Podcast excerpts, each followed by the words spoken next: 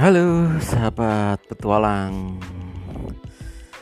Kembali lagi Saya sajikan Kisah petualangan yang agak seru dan kocak. Ini cerita dengan judul Misi Rahasia. Diambil dari buku yang saya tulis sendiri bersama adik saya Bambang Pracayo dan kakak Sakti Hernawan cerita ini cukup panjang tapi akan saya bagi menjadi beberapa bagian. Dalam setiap bagian ya kurang lebih 10-15 menit biar kalian semua tidak bosan. Ini cerita dari buku yang diterbitkan oleh penerbit jejak dari Sukabumi.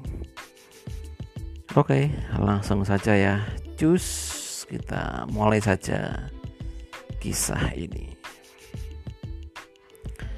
Sudah beberapa saat laki-laki setengah baya itu berdiri di tepi jalan. Setiap angkot yang mendekat berjalan melambat sambil kernetnya menunjuk-nunjuk. Laki-laki itu hanya menggelengkan kepala Tukang ojek yang melihat dari tempat mangkalnya yang gak jauh mencoba mendekat untuk menolong sambil mengadu keberuntungan. Tapi juga nihil hasilnya. Laki-laki itu tetap menggelengkan kepala. Kali ini malah sambil mundur-mundur seperti agak takut.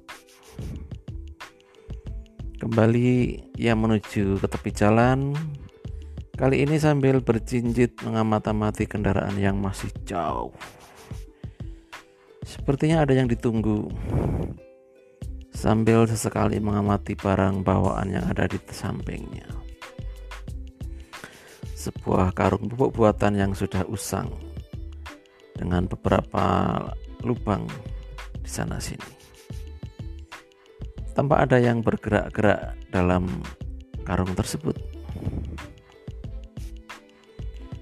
Wajahnya tampak gelisah. Ia menggaruk-garuk kepalanya yang sebenarnya tidak gatal. Secara bergantian matanya mengamati yang ditunggu dan barang bawaannya. Wajah khawatir tidak dapat disembunyikannya. Nah, akhirnya yang ditunggu pun tiba. Bis antar kota antar provinsi Budiwan jurusan Tasik Malaya nampak di kejauhan. Ia segera melambaikan tangan menghentikan bis. Bis pun melambat. Ia pun segera bergegas mengambil barang bawaannya. Apa isinya ini pak? Tanya kernet bis itu. Sidat, jawabnya enteng.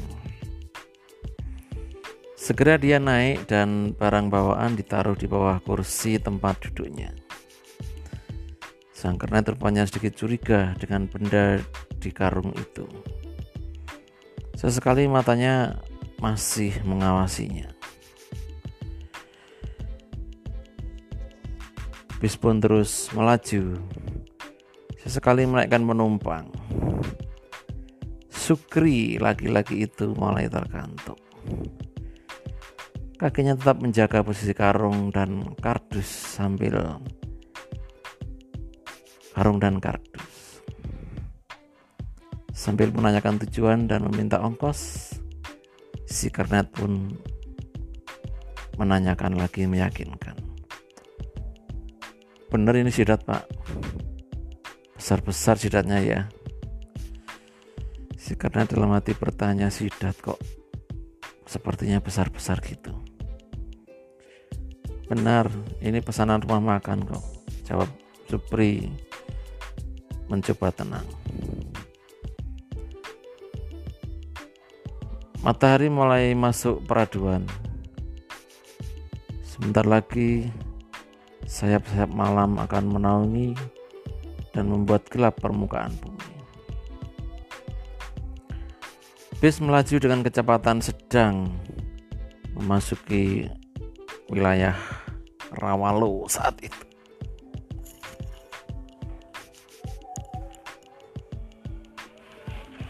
Para penumpang nampak tenang. Hampir semuanya tertidur dengan goyangan anggun bis menyusuri jalan. Perut keroncongan tetapi tetap ditahan. Sebab waktu di rest area bis di Sampang, Supri, Sukri tidak berani turun. Walaupun dapat karcis makan gratis 5000 Dia khawatir dengan barang bawaannya itu. Perut kenyang membuat para penumpang tertidur. Lampu bus pun dimatikan. Mau merokok, dia rikuh dengan tulisan no smoking. Padahal mulut terasa sangat kecut. Akhirnya untuk mengisi rasa kejut, dia ambil permen pastiles yang ada di sakunya. Kakinya sesekali menyentuh kendi, kandi atau karung tadi ya. Karung pupuk bawaannya untuk memastikan aman isinya. Kelokan demi kelokan dilalui, seolah menina bubukkan penumpang. Sukri pun akhirnya terkantuk dan jatuh tidur juga.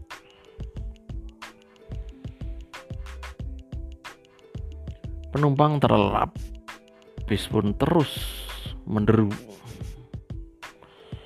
Beberapa saat kemudian tiba-tiba bus direm dengan sangat mendadak dan crash dibarengi teriakan keras sang sopir disertai umpatan-umpatan.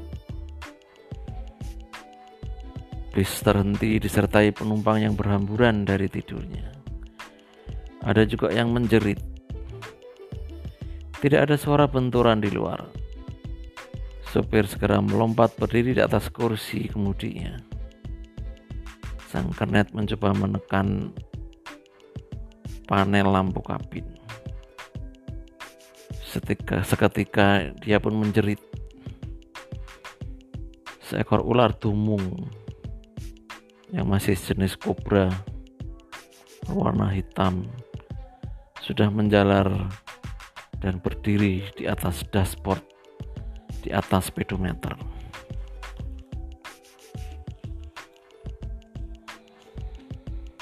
Penumpang yang di depan seketika berdesarkan mundur menjauh kemudi menjauhi kemudi. Suasana jadi kacau dan panik. Kendaraan yang di belakang bus mulai berderet-deret. Ada apa sih ini? Ada apa? Ada apa ya? Teriak salah satu penumpang bagian belakang yang terdesak oleh penumpang bagian depan. Ayo, ayo, ke belakang, ke belakang, ke belakang. Teriak kernet sambil tangannya memberi apa-apa penumpang. Mata dia mengamati ular yang ada di depan setir bis. Sang sopir pun harus berkonsentrasi dua hal.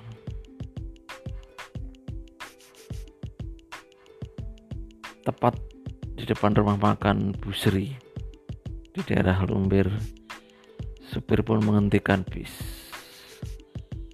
Ada ular besar, teriak yang di depan. Penumpang pun berhamburan lewat pintu belakang. Mata kernet mengamati penumpang yang turun. Dicarinya penumpang dari Bayan yang membawa karung tadi. Kok tidak ada ya penumpang yang bawa karung tadi pikirnya. Kernetnya pun kernet pun memberanikan diri naik ke bis. Dia sapukan pandangan ke seluruh bis, ternyata tidak tampak ada orang. Dia berjalan ke depan sambil mengamati kalau-kalau ular sudah ke belakang. Terdengar olehnya suara pelan orang yang merintih-rintih. Dicarinya sumber suara itu. Kernet pun mengambil HP, handphone, dan dinyalakan fungsi senternya. Diarahkannya ke arah suara itu. Ternyata itu suara Sukri yang menggigil ketakutan sambil mencari-cari ularnya. Dia takut akan dikeroyok para penumpang bis.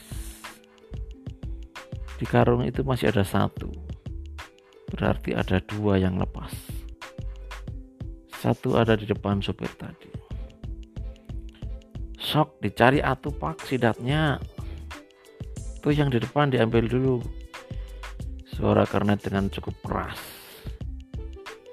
Penumpang yang cukup berani hanya mendekat dan melihat dari luar di dekat pintu. Ada juga yang bersiap membawa pendungan.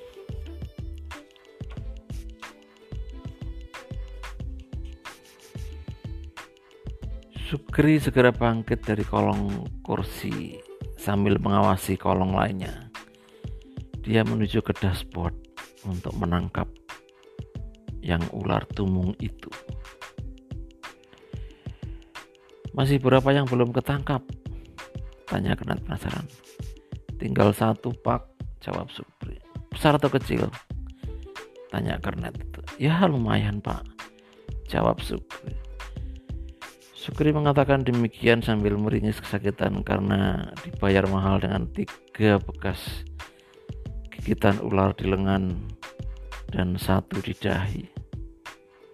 Dia menangkap ular bukan dengan keahliannya, tapi dengan kenekatannya daripada dia dikeroyok orang satu bis. Akan berapa gigitan lagi nih untuk menangkap ular yang paling jumbo di antara ketiga ular yang dibawa, pikir Supri. Memang bisa ular tumung tidak begitu berbahaya, tetapi nyali menciut juga setelah digigit empat kali. Supri biasanya mengandalkan cekeh atau kayu cabang yang beranting untuk menangkap leher ular.